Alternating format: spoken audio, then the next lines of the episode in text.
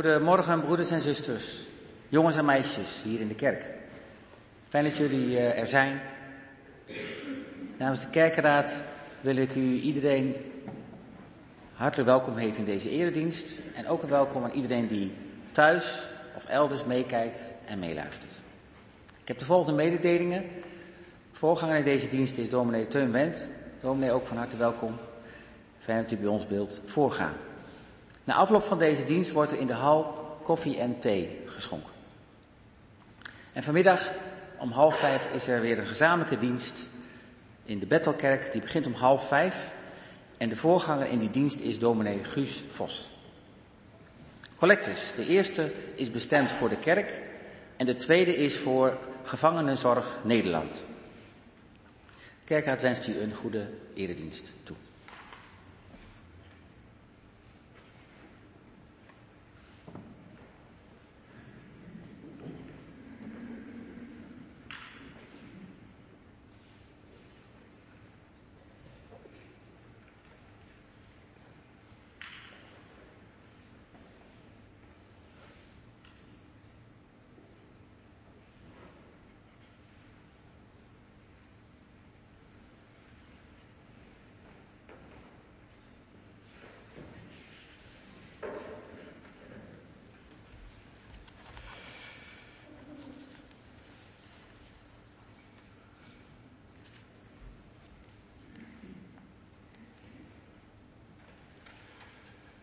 Goedemorgen, eh, broeders en zusters, ook wat mij betreft. Eh, welkom in de kerk en fijn dat ik eh, voor mag gaan.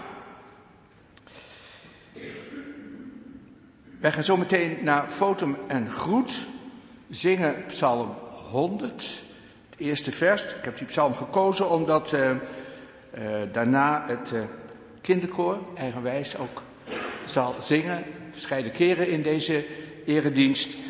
En uh, die zingen een lied, Juich, doe allemaal mee. En dat is ook een uh, bewerking van Psalm 100. Dus wij beginnen met Psalm 100 en de kinderen zingen daarna ook uh, die psalm in een wat andere bewerking. Zullen we nu eerst gaan staan en onze afhankelijkheid van de Heer beleiden?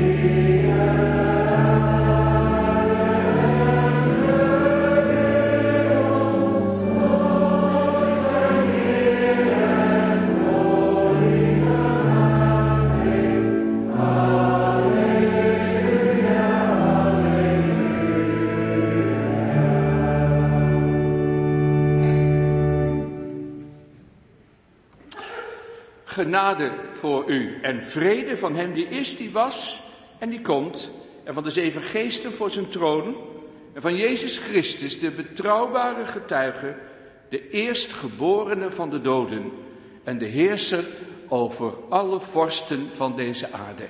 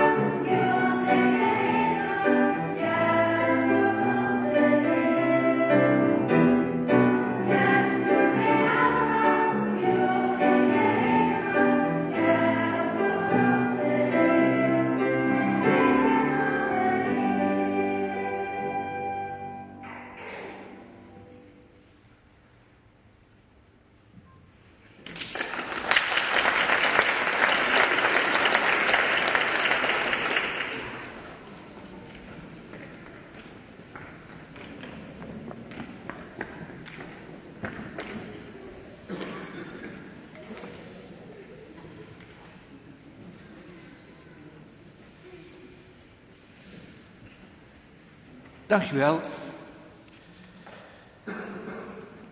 We gaan nu luisteren naar Gods wet. Zingen aansluitend uit Psalm 25, vers 3.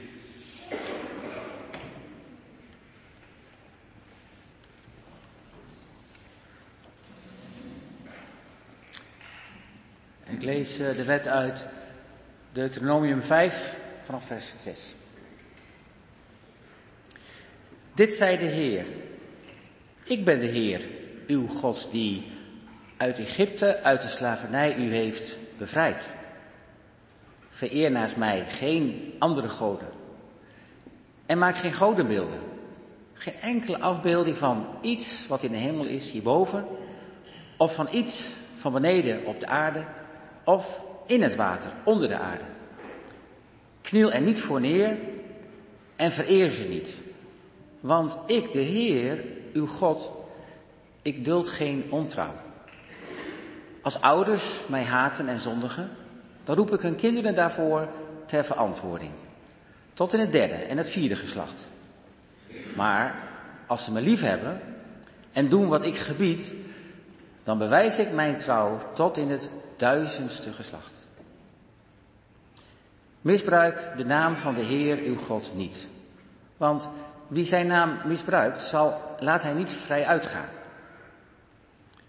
Neem de Sabbat in acht, zoals de Heer uw God u heeft geboden. Het is een heilige dag.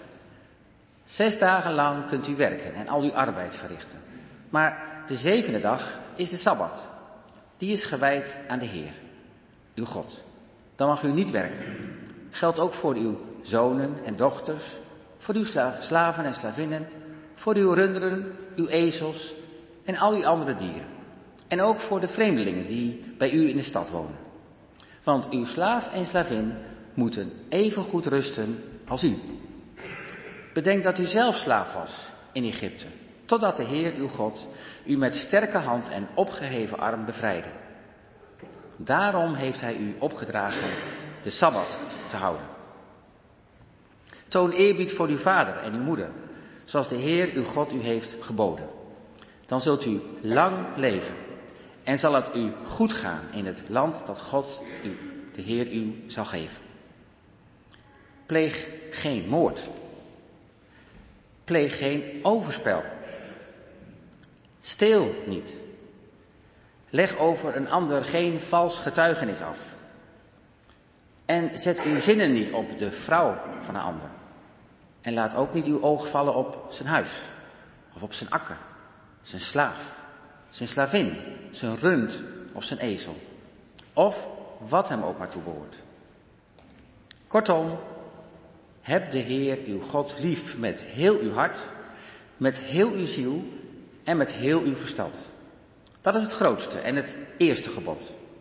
En het tweede is daaraan gelijk. Heb uw naaste lief als uzelf. Deze twee geboden zijn de grondslag van alles wat er in de wet staat en de profeten.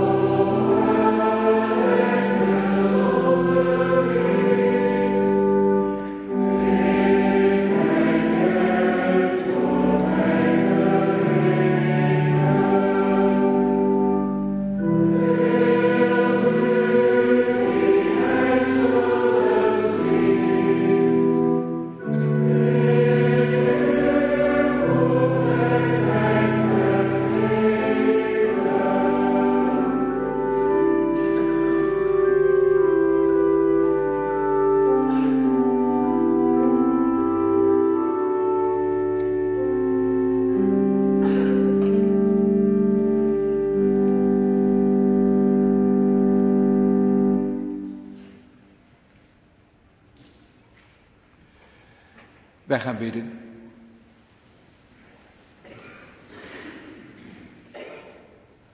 Goede God, om vergeving baden we zo net bij het zingen van Psalm 25. En wat hebben we dat nodig, uw vergeving, door Jezus Christus? Wij kijken naar ons eigen leven en we erkennen dat ons leven lang niet altijd is zoals het moet zijn. We schieten tekort in liefde naar u en naar elkaar. Genees ons, Heer. We kijken ook om ons heen. En we zien een wereld die in brand staat. Geweld is aan de orde van de dag. Zoveel mensen, groot en klein, worden daardoor geraakt. In oorlogsgebieden. Daar waar spanning is, volk staat op tegen volk. En er is geen ontferming. En zoveel mensen, kinderen, hebben tekort aan het allernodigste. Moeten vluchten, raken alles kwijt. En de verschrikkelijkste beelden komen naar ons toe. En we weten, Heer, dat ook wij aan dat leed in de wereld medeschuldig zijn. We hebben het samen in uw wereld gebracht. En het was van het begin af aan niet zo. God, genees ons. Ontferm u over ons en onze wereld. En we danken u dat we dat mogen vragen. Dat we uw volk zijn. De schapen van uw weide. Zo zongen we dat net ook in Psalm 100. En we hoorden het ook de kinderen zingen. Uw volk zijn we. En dat maakt ons blij en dankbaar en vol goede moed. Dat we naar u toe mogen gaan. Het bij u mogen zoeken. Wat een evangelie. Dat in Christus naar ons toe komt. En nu zijn we hier gekomen om ook naar dat evangelie te luisteren. Open onze harten ervoor. Leid ons door uw geest. Geef ons zicht op de Heer Jezus, onze heiland. Op uw genade, op uw verbond, op uw liefde.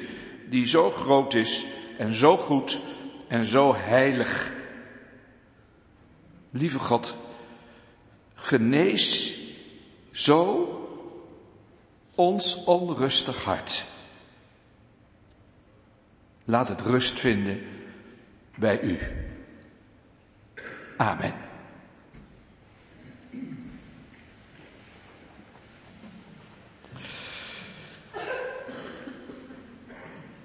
Opnieuw gaan we luisteren naar de kinderen die een lied zingen, Hij alleen. En uh, daarna gaan de kinderen, heb ik goed, als ik goed begrepen heb, naar de kinderkring.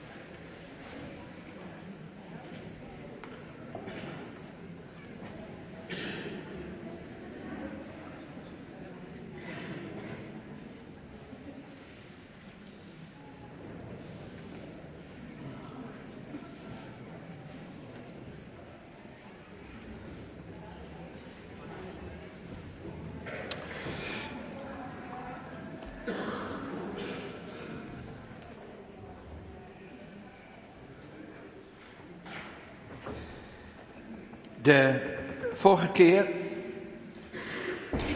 broeders en zusters, dat ik hier preekte, dat was uh, ergens in oktober, uh, heb ik gepreekt over Ezekiel, Ezekiel 1, verschijning van God, die zich uh, laat zien aan Ezekiel als een, nou, als een mobiele God, heb ik toen gezegd. Nou, ik ben een poosje uh, al met dit Bijbelboek bezig en vandaag wil ik er weer uitpreken. We slaan een aantal hoofdstukken over, gaan vanmorgen naar hoofdstuk 16. We gaan lezen vers 1 tot 22 en uh, dat is meteen ook uh, de tekst. Dat is een lange tekst. Ik kan niet elk detail daarvan vertellen. natuurlijk, het is toch al lang genoeg, maar we gaan het eerst maar lezen. Henny, jij gaat het voor ons lezen.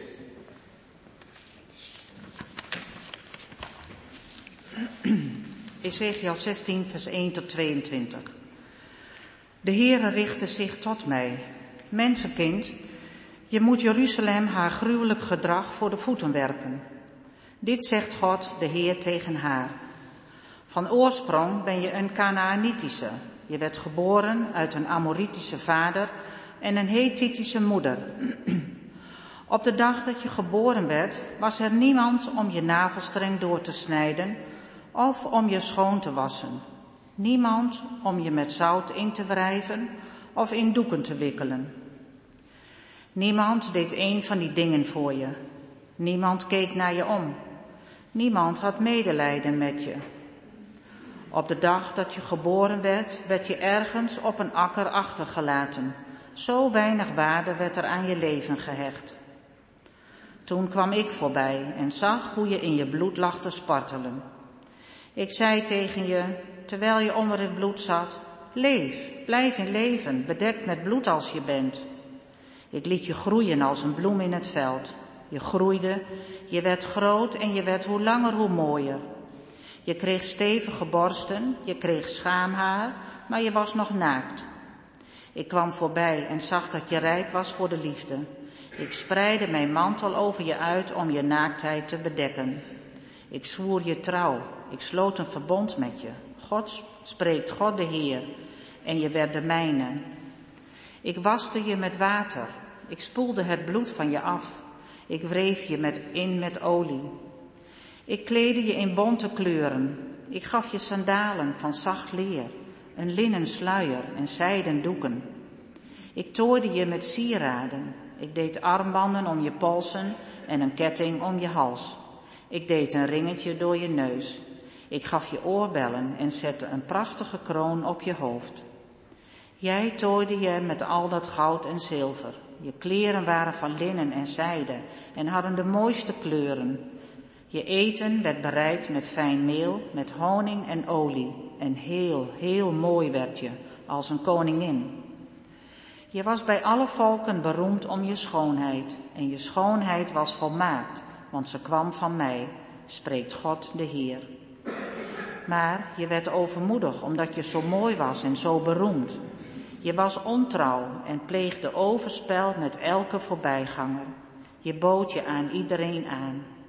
Je trok je kleren uit en maakte er kleurige kussens van waarop je mij bedroog.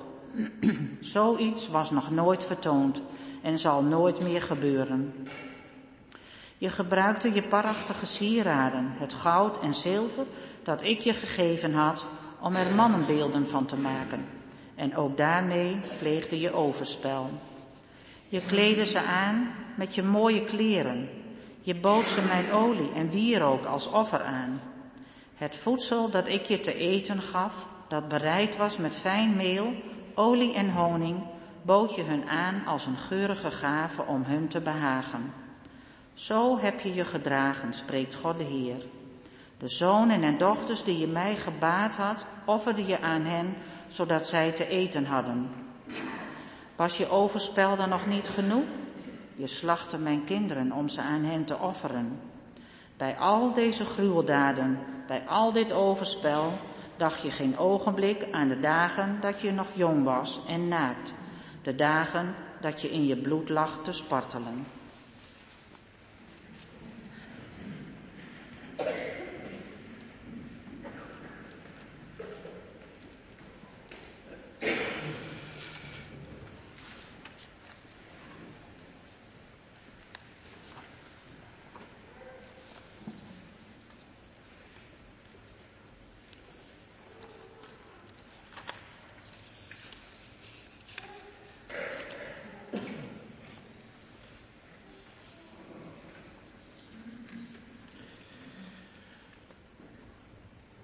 Straks na de preek gaan we zingen uit het liedboek, lied 377, vers 1, vers 3 en vers 4. Zoals ik ben, kom ik nabij, nabij u, God, met niets in mijn handen dan dat u mij riep. 377 uit het liedboek, vers 1, 3 en 4. En ik heb uh, van Cor begrepen dat de, je zit uh, daar al, ik heb begrepen dat de wijs wat onbekend is, de melodie, en dat je die een paar keer voor zal spelen.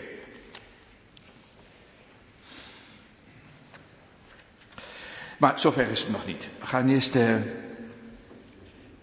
dat gedeelte dat we gelezen hebben daarover nadenken, daarover spreken. Ik mag het u verkondigen.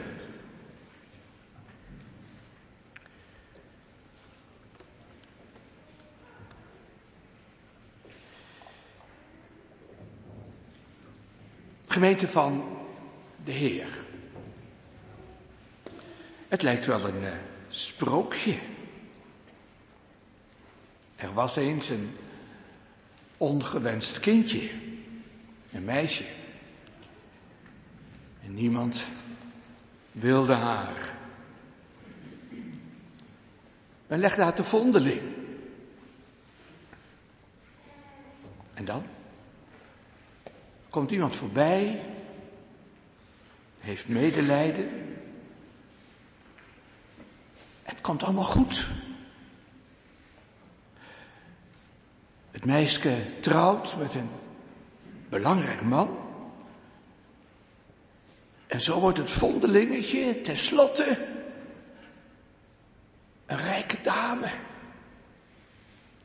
Een edelvrouw, een koningin. Van vondeling tot koningin. Het lijkt wel een sprookje. Het is geen sprookje. Het is geen sprookje.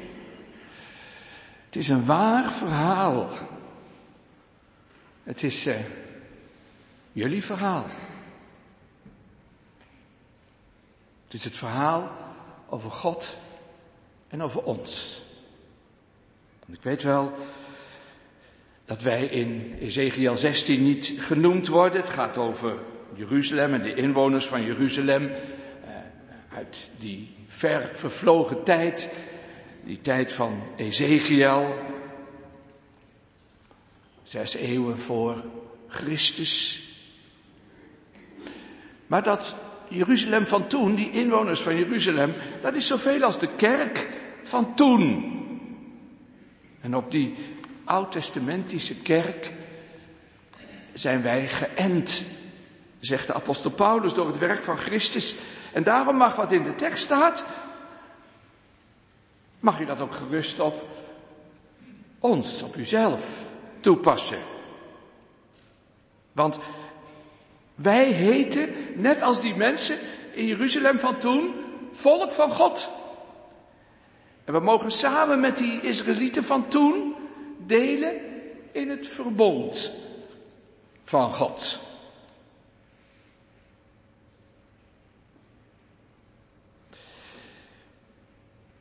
Even een uh, vraag, zomaar er tussendoor. Vind je daar eigenlijk van? Dat je zomaar mag zeggen, ook van jezelf, ik ben kind van God.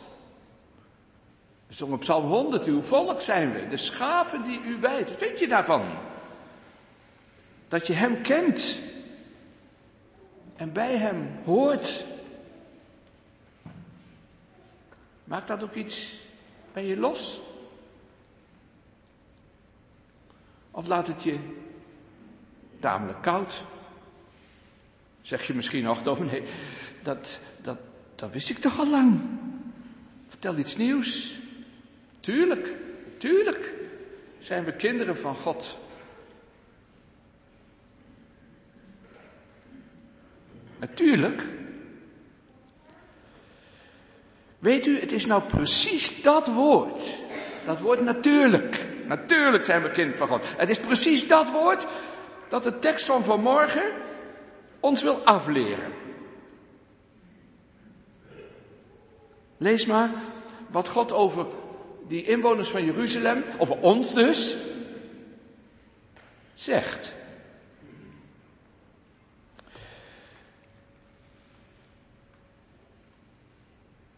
Van oorsprong ben je een Canaanitische. Je werd geboren uit een Amoritische vader en een Hethitische moeder. En zo, zo steekt het verhaal van onze tekst van wal.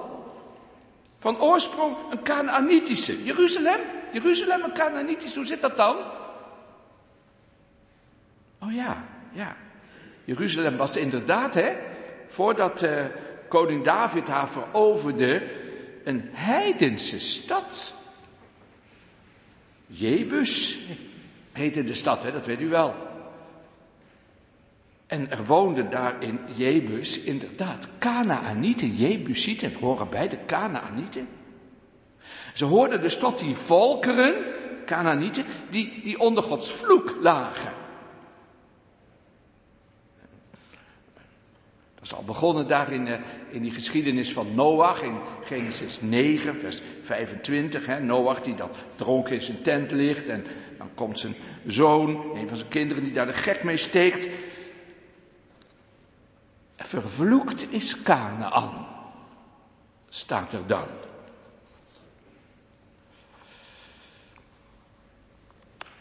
Nou ja, die tekst, daar zit de geschiedenis van alles mee gedaan met die tekst, maar, maar die slaat dus op die Canaanieten, hè? Die Canaanieten, waar ook Jeruzalem bij hoort. Er stroomt heidensbloed door de aderen van Jeruzalem. En het oordeel van Canaan ligt ook over Jeruzalem. Van oorsprong zijn we Canaanieten vervloekt en ongewenst ook nog een keer. want wat staat er verder? Um, op de dag dat je geboren werd, was er niemand die je hoefde. Op die dag werd je ergens op een akker achtergelaten. Maar natuurlijk zijn we kinderen van God. Zei je dat net? Zei je dat net? Nou, mooi niet dus, hè? Helemaal niet natuurlijk. Van nature verloren, vervloekt, ongewenst.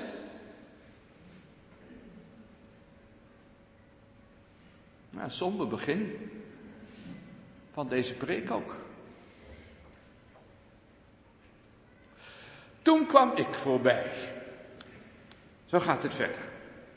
Toen kwam ik voorbij. En ik zei tegen je, leef. Die ik, die ik, dat is God. Geweldig, hè? We waren te vies om aan te pakken. Bedekt met bloed als we waren, onrein. Maar God wilde ons toch. Wat wilde Hij gewoon?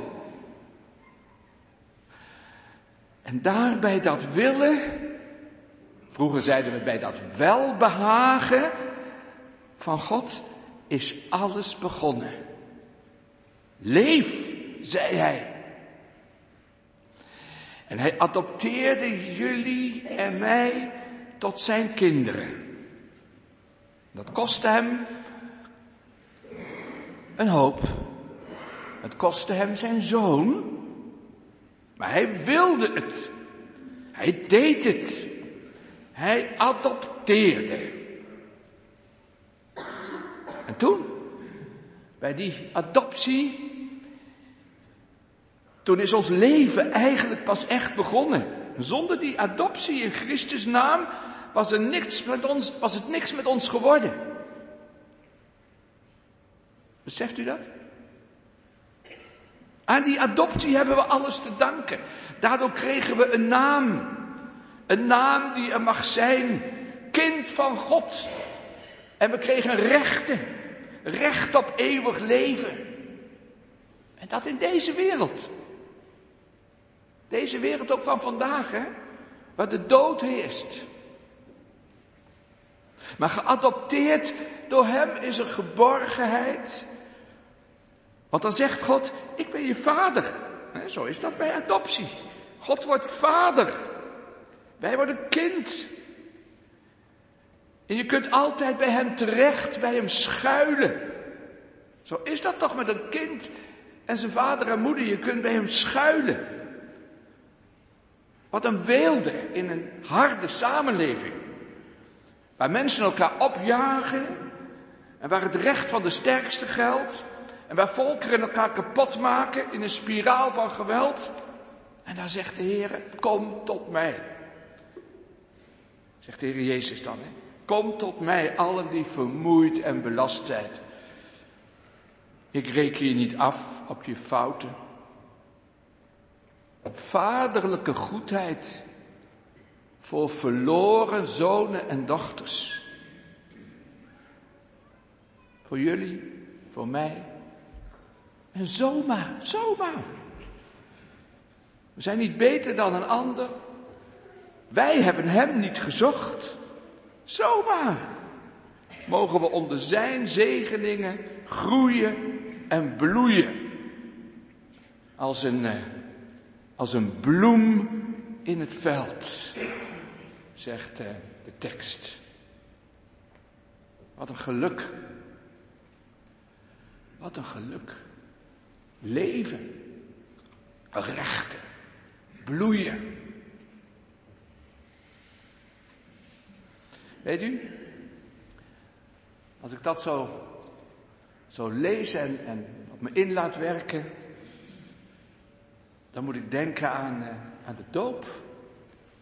Precies wat hier staat komt in het doopsformulier en in de doop zelf dus naar ons toe. Hoewel, zeggen we bij de doop, hè, hoewel in zonde ontvangen, hoewel vervloekt en ongewenst, aan het oordeel prijsgegeven, zeggen we dan bij de doop.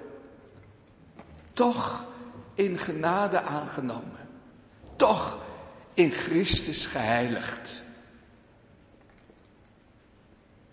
Vind je die zin te zwaar?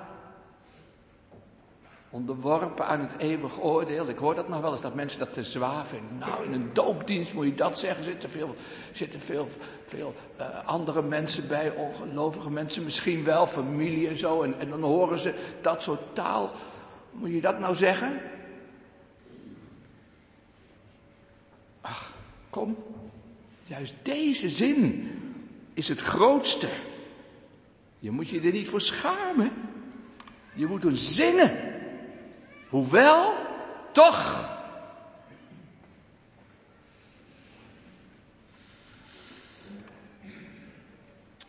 Het eerste, eerste bedrijf, om zo te zeggen, van dit verhaal.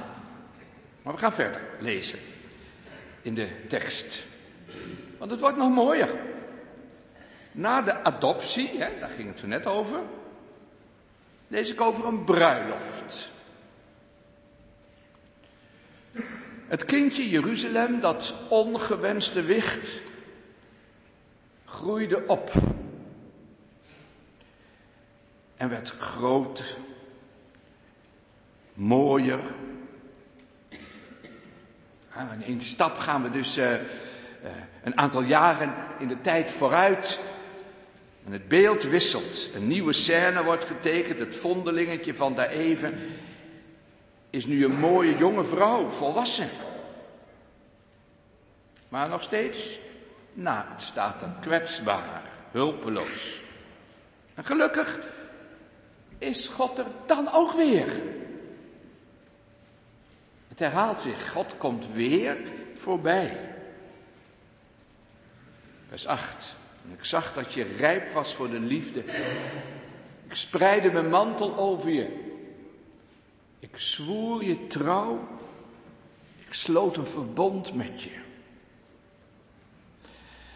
Als het tweede bedrijf een nieuwe daad van liefde. En die nieuwe daad van liefde,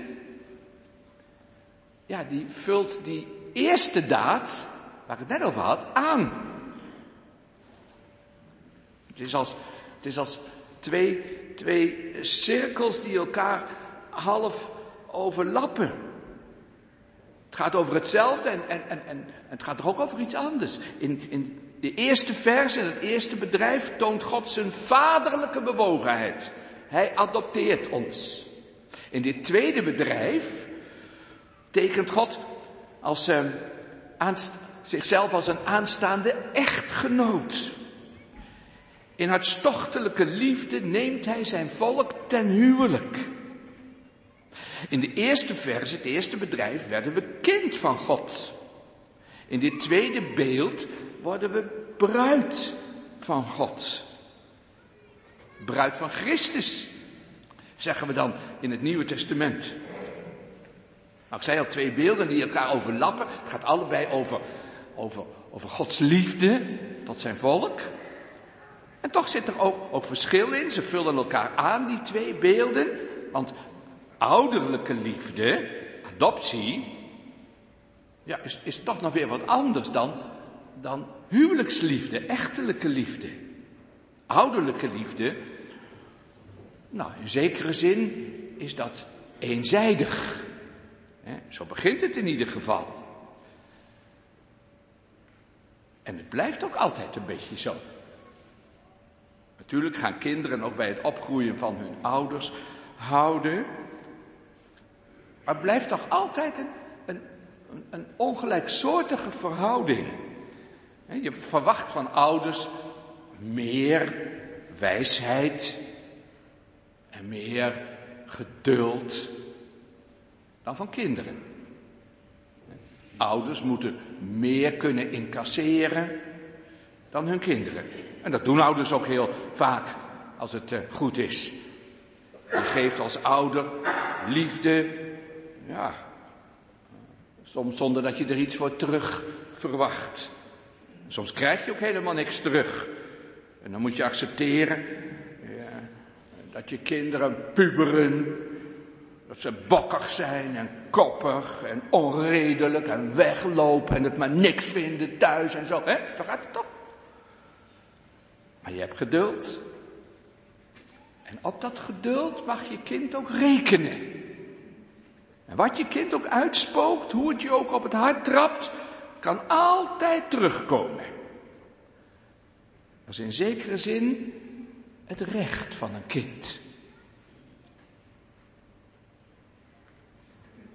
Maar nou dat andere, die relatie van het huwelijk. Dat is ook een liefdesrelatie, maar ligt het toch een beetje anders, hè? Dan sta je op hetzelfde niveau. Je bent aan elkaar gewaagd. Twee volwassen mensen die voor elkaar hebben gekozen. En natuurlijk verdraag je in die liefdesrelatie ook van alles van elkaar. Maar de liefde van getrouwden staat toch tegelijk ook, ja, het bestaat ook, ook bij de gratie van de, van de, van de wederzijdsheid. Je geeft liefde, je verwacht wederliefde. Jij bent van de ander, de ander is ook van jou. Kan niet van één kant komen, zeggen we dan. Nou, zo heeft dus huwelijksliefde een ander karakter dan ouderlijke liefde. Nou, en nou terug naar de tekst. Wat doet Ezekiel nu? Hij zet in die relatie van God met ons beide elementen naast elkaar. God heeft ons lief als een vader. En we mogen op die vaderlijke goedheid altijd weer rekenen. Daar begint alles mee. In de relatie, verbond, zeggen we ook wel dan, die God met ons heeft. Daar begint alles mee, met die superieure liefde van Vader voor ons. Die liefde van God die ver boven ons uitstijgt. En waarin wij als kinderen ons altijd weer aan mogen toevertrouwen. Maar dat andere, zegt Ezekiel, zoekt God dus ook. Dat gelijkwaardige van die huwelijksliefde. Hij wil ook wederliefde, trouw, toewijding. Dat wij Hem behagen. Die eenzijdige liefde, ja, mag tegelijk ook tweezijdige liefde zijn. En, en, en dat zoekt God ook. Dat zoekt God ook. En dat mag ons toch een eer zijn. Dat is toch geweldig. Dat Hij niet alleen onze vader, maar ook onze man wil zijn in Christus. En dat Hij verlangt dat wij Hem trouw zijn zoals Hij ons trouw is. En dat Hij ons daar ook op aanspreekt. Zo serieus neemt Hij ons als, als partners, als liefdespartners.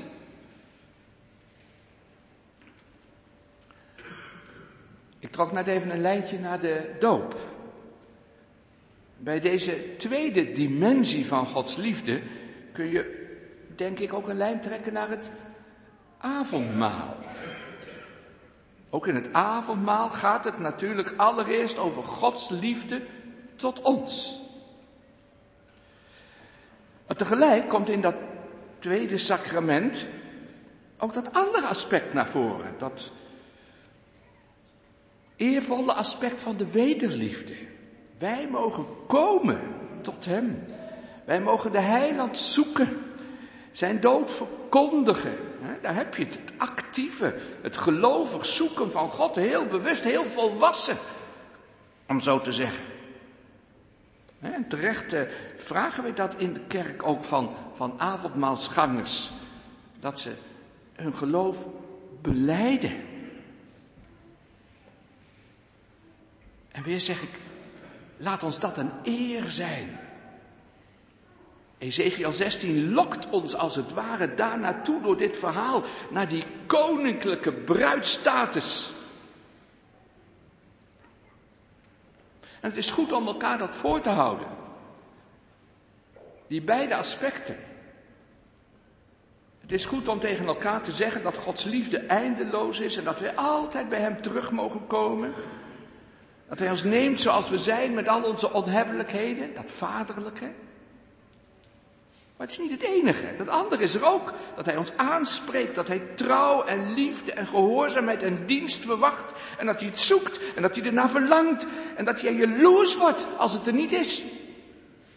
En wees, wees daarom ook niet geërgerd als je, als je daarop aangesproken wordt in de kerk. In de preken bijvoorbeeld of in de wet. En laat er ruimte zijn, ook in, in je omgang met elkaar als gemeente, voor aansporing, voor maan als het moet, voor inspanning om trouw en gehoorzaam te zijn. Er is werk aan de winkel, werk aan heiliging, aan bekering, als je het hebt laten schieten. Werk aan je zaligheid, zegt het Nieuwe Testament dan. God heeft lief wie hem ernstig zoeken. Dat soort teksten, die horen er ook bij.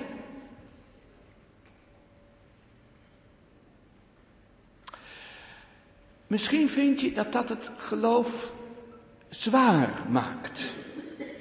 Dat, dat God ook die wederliefde zoekt en, en, en eist.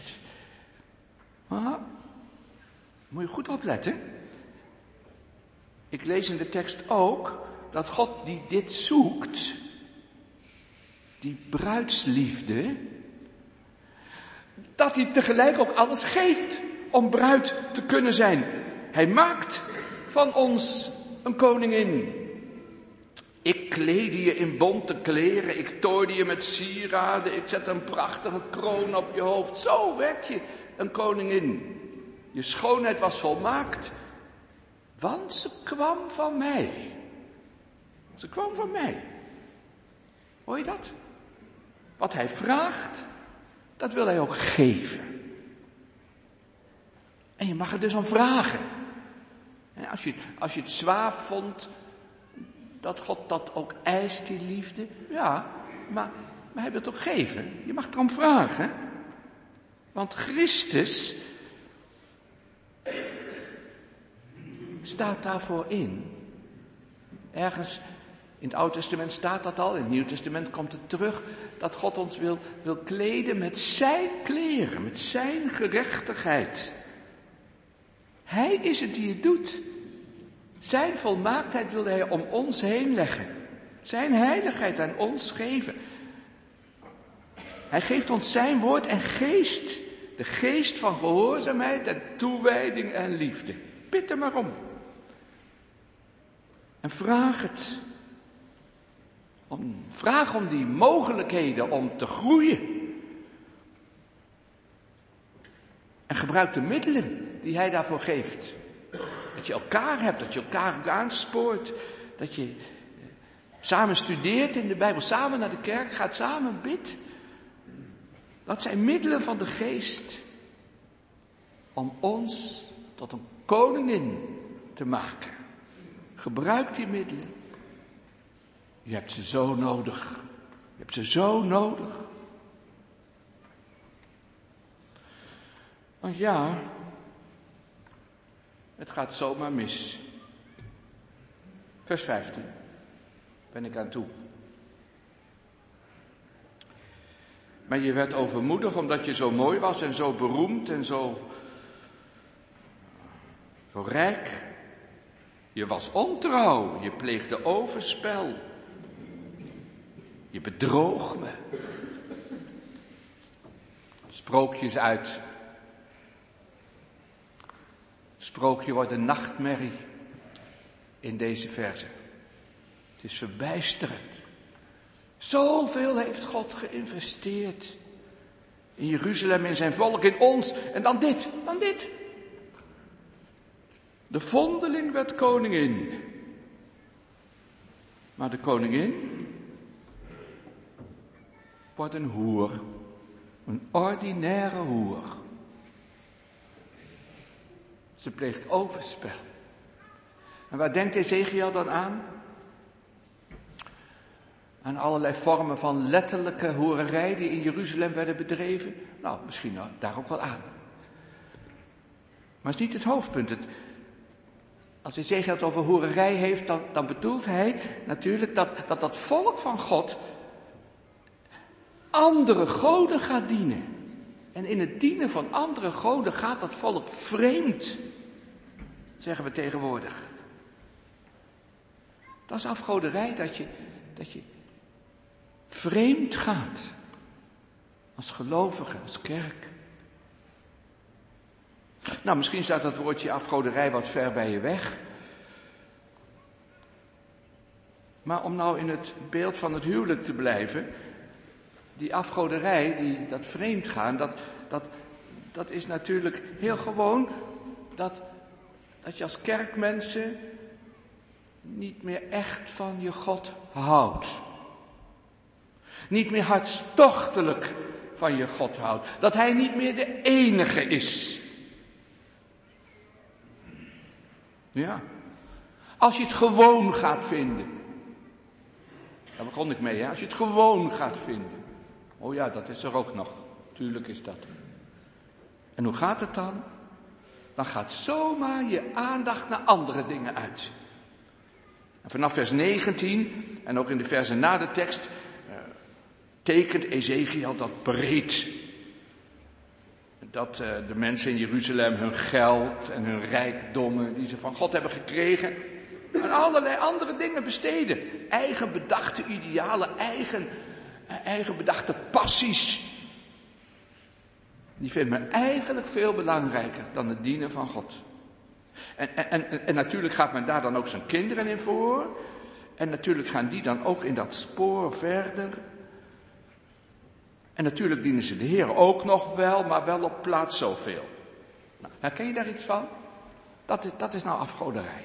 Ik ga niet allerlei vormen van afgoderij noemen, maar dat is de kern van afgoderij. Dat de Heer er wel is, maar op plaats zoveel. En dat je eigenlijk allerlei andere dingen veel belangrijker en veel interessanter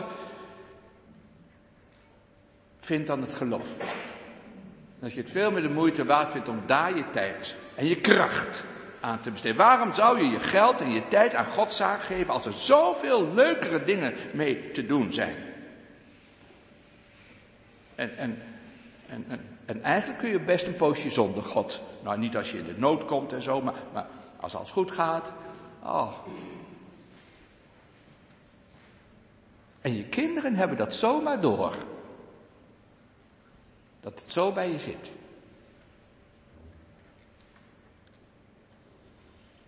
Weet u wat door dit stukje van de tekst duidelijk wordt?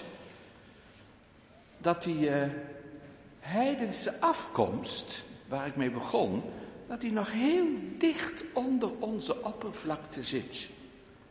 Van oorsprong een Canaanitische. En dat komt zomaar weer boven. In een van de gebeden uit ons kerkboek bidden we, wij erkennen, heren, dat we geboren zondaars zijn. En dat we uit onszelf niets goeds kunnen doen. En dan hoor ik ook wel weer geluiden dat men zo'n gebed eigenlijk veel te zwaar vindt. Maar Ezekiel zegt, zo is het precies. Het zit heel vlak onder de huid. En Ezekiel wil ons daaraan ontdekken. Want u snapt toch wel dat het daarom gaat, hè? Het gaat niet om een, om een, om een somber verhaal of zo. Het, gaat eraan om, Ezekiel, dat, dat we daaraan ontdekt worden. Dat we dat weten, dat we ons van bewust zijn. Dat, dat zegt hij eigenlijk, ik ga nog even weer terug, dat zegt hij eigenlijk al in het begin van, van, van dit gedeelte. In vers 1. God de Heer richtte zich tot mij, mensenkind, je moet Jeruzalem haar gruwelijke gedrag voor de voeten werpen. Ze hadden het kennelijk niet eens door. Ze moeten het leren, ze moeten er, er op, op, op bedacht worden, er zich ervan bewust worden, ze moeten er oog voor krijgen. Heel dit hoofdstuk is een soort wake-up call. Mensen, besef hoe gemakkelijk het misgaat. Hoeveel je krijgt en hoe gemakkelijk het misgaat. En besef dan ook dat dat dodelijk is.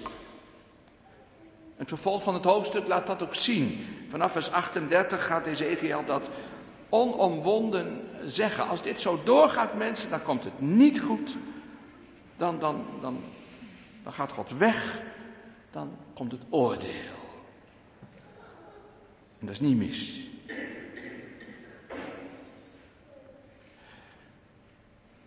Nou, dat stuk heb ik buiten de tekst gehouden, anders wordt het veel te lang allemaal.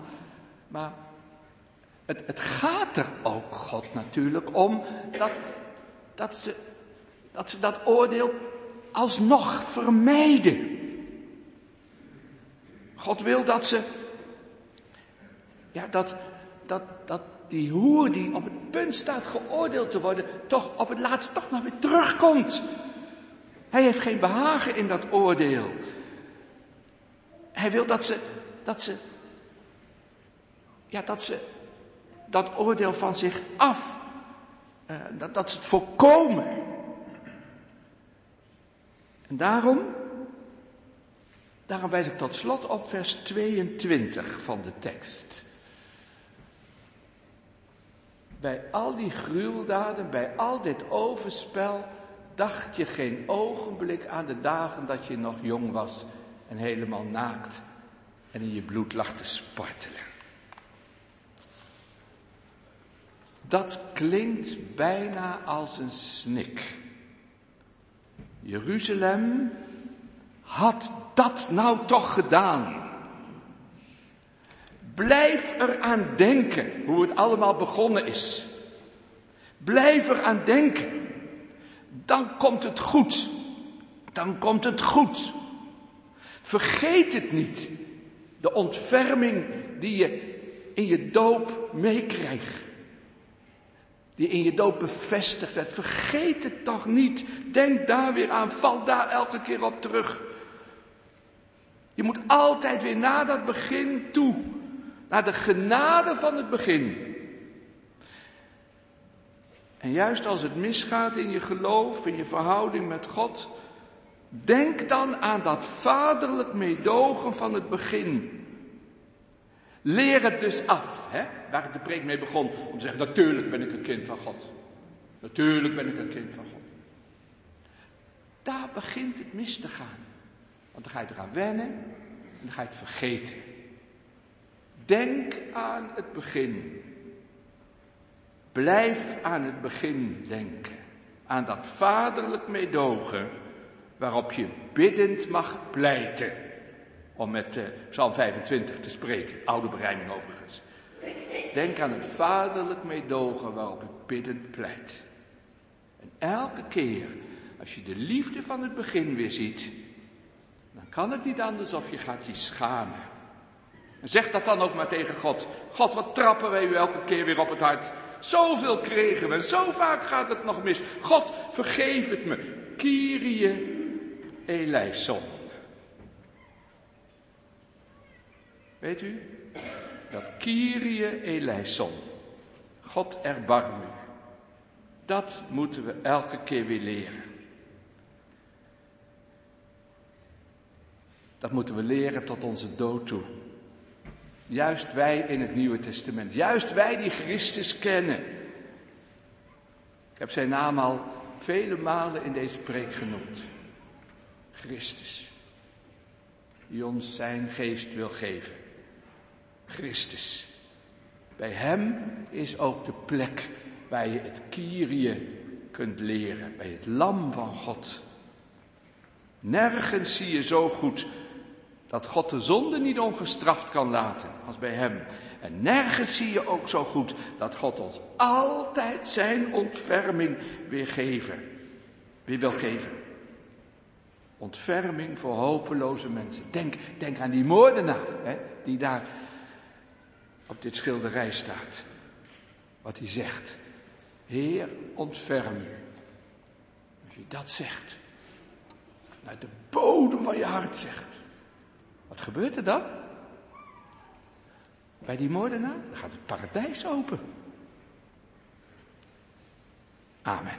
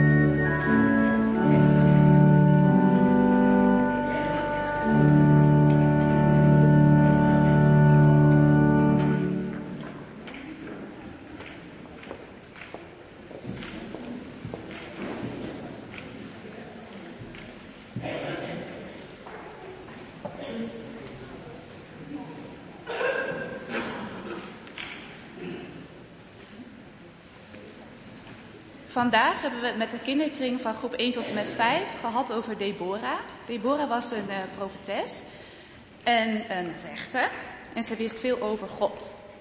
We hebben eerst een uh, spelletje gedaan waarbij een kind twee ballonnen, opgeblazen ballonnen, mocht hoog houden en de rest ging hem aanmoedigen.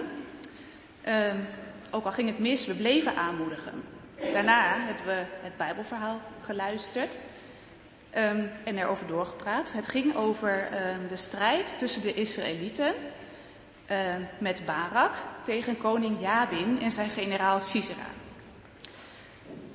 Deborah ging ook mee omdat Barak eigenlijk niet zo goed durfde te vechten. Maar Deborah moedigde hem aan en ze zei, jullie gaan winnen, want God zal voor jullie strijden. God gaat met jullie mee. En met Gods hulp versloegen de Israëlieten inderdaad um, het leger van Sisera. Ten slotte hebben we ook nog een werkje gemaakt, de Deborah-palm. Want Deborah zat vaak onder een palmboom en de mensen kwamen daar naar haar toe. Als ze bijvoorbeeld ruzie hadden, dan uh, gingen ze naar Deborah en Deborah um, zei dan wie er dan gelijk had. Um, dus ja, zo was ze dus eigenlijk rechter. En die palmboom waar ze dan onder zat, werd dus de Deborah-palm genoemd.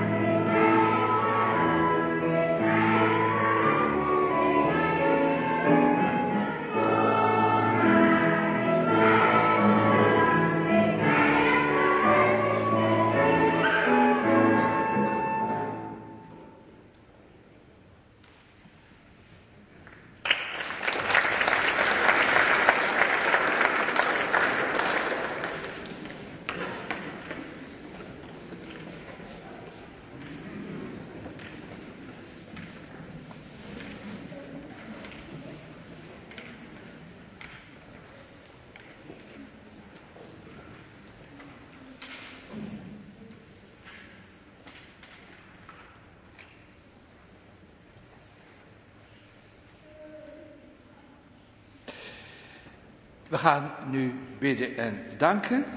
Er is um, voorbeden gevraagd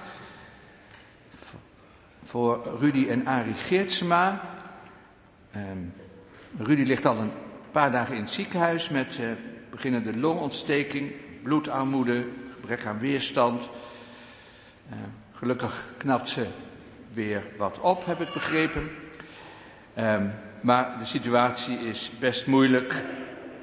Ook voor Ari, die alleen thuis is.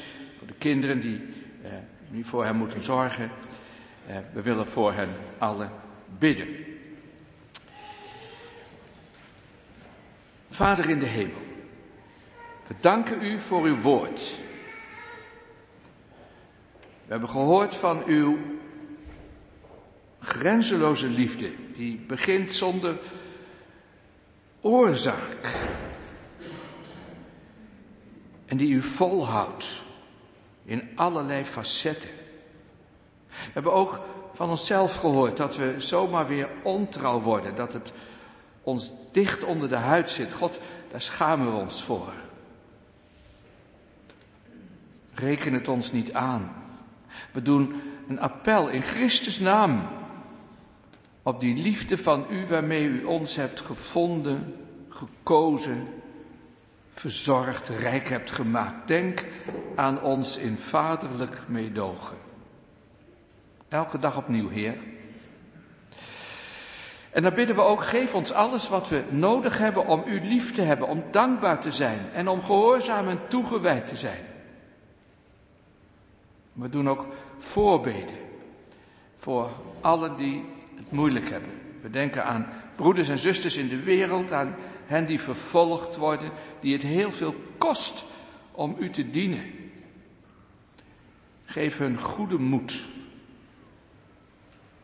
We bidden voor allen die uw kracht bijzonder nodig hebben. Dan denken we in ons midden aan Rudy en Arie Geertsema. Wees met Rudy in het ziekenhuis.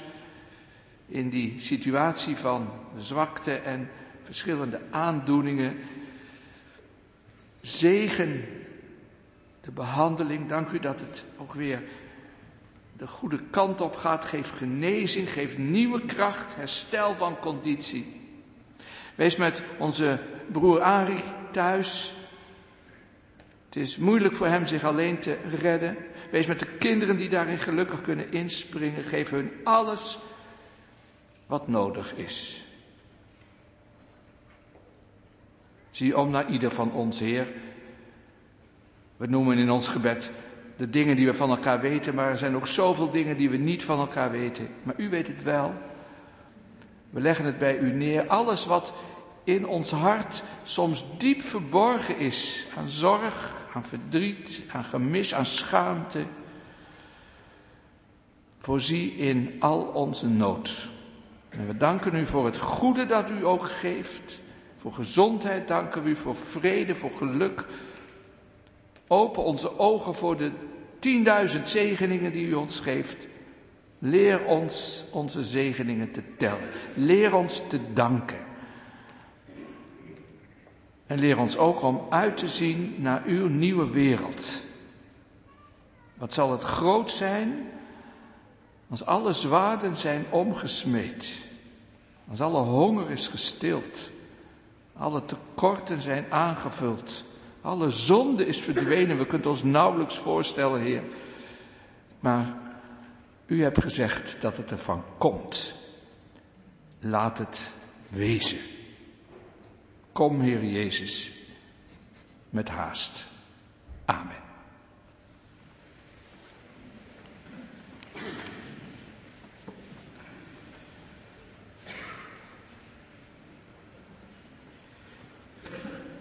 Dan is er nu het moment van de collecte.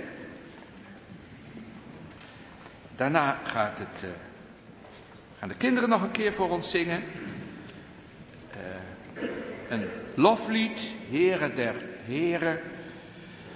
En wij sluiten daarbij aan in ons gezamenlijke slotlied. Het, uh, wat de kinderen zingen is eer aan de Vader die alle dingen schiep, eer aan de Zoon die mij tot leven riep, eer aan de geest die ons samen één maakt. En nou, daar heb ik het laatste lied bij aan laten sluiten uit het liedboek 705. Eer aan de Vader, eer aan de Zoon, eer aan de Geest, de Trooster. Vers 1 en 4 zingen we daarvan.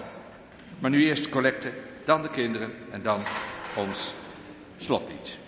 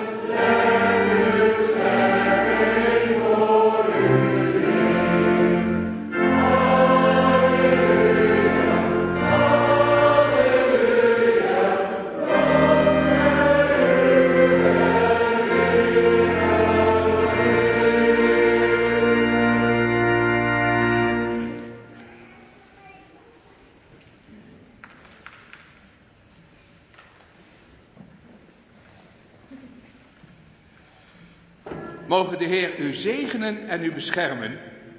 Mogen de Heer het licht van zijn gelaat over u doen schijnen en u genadig zijn.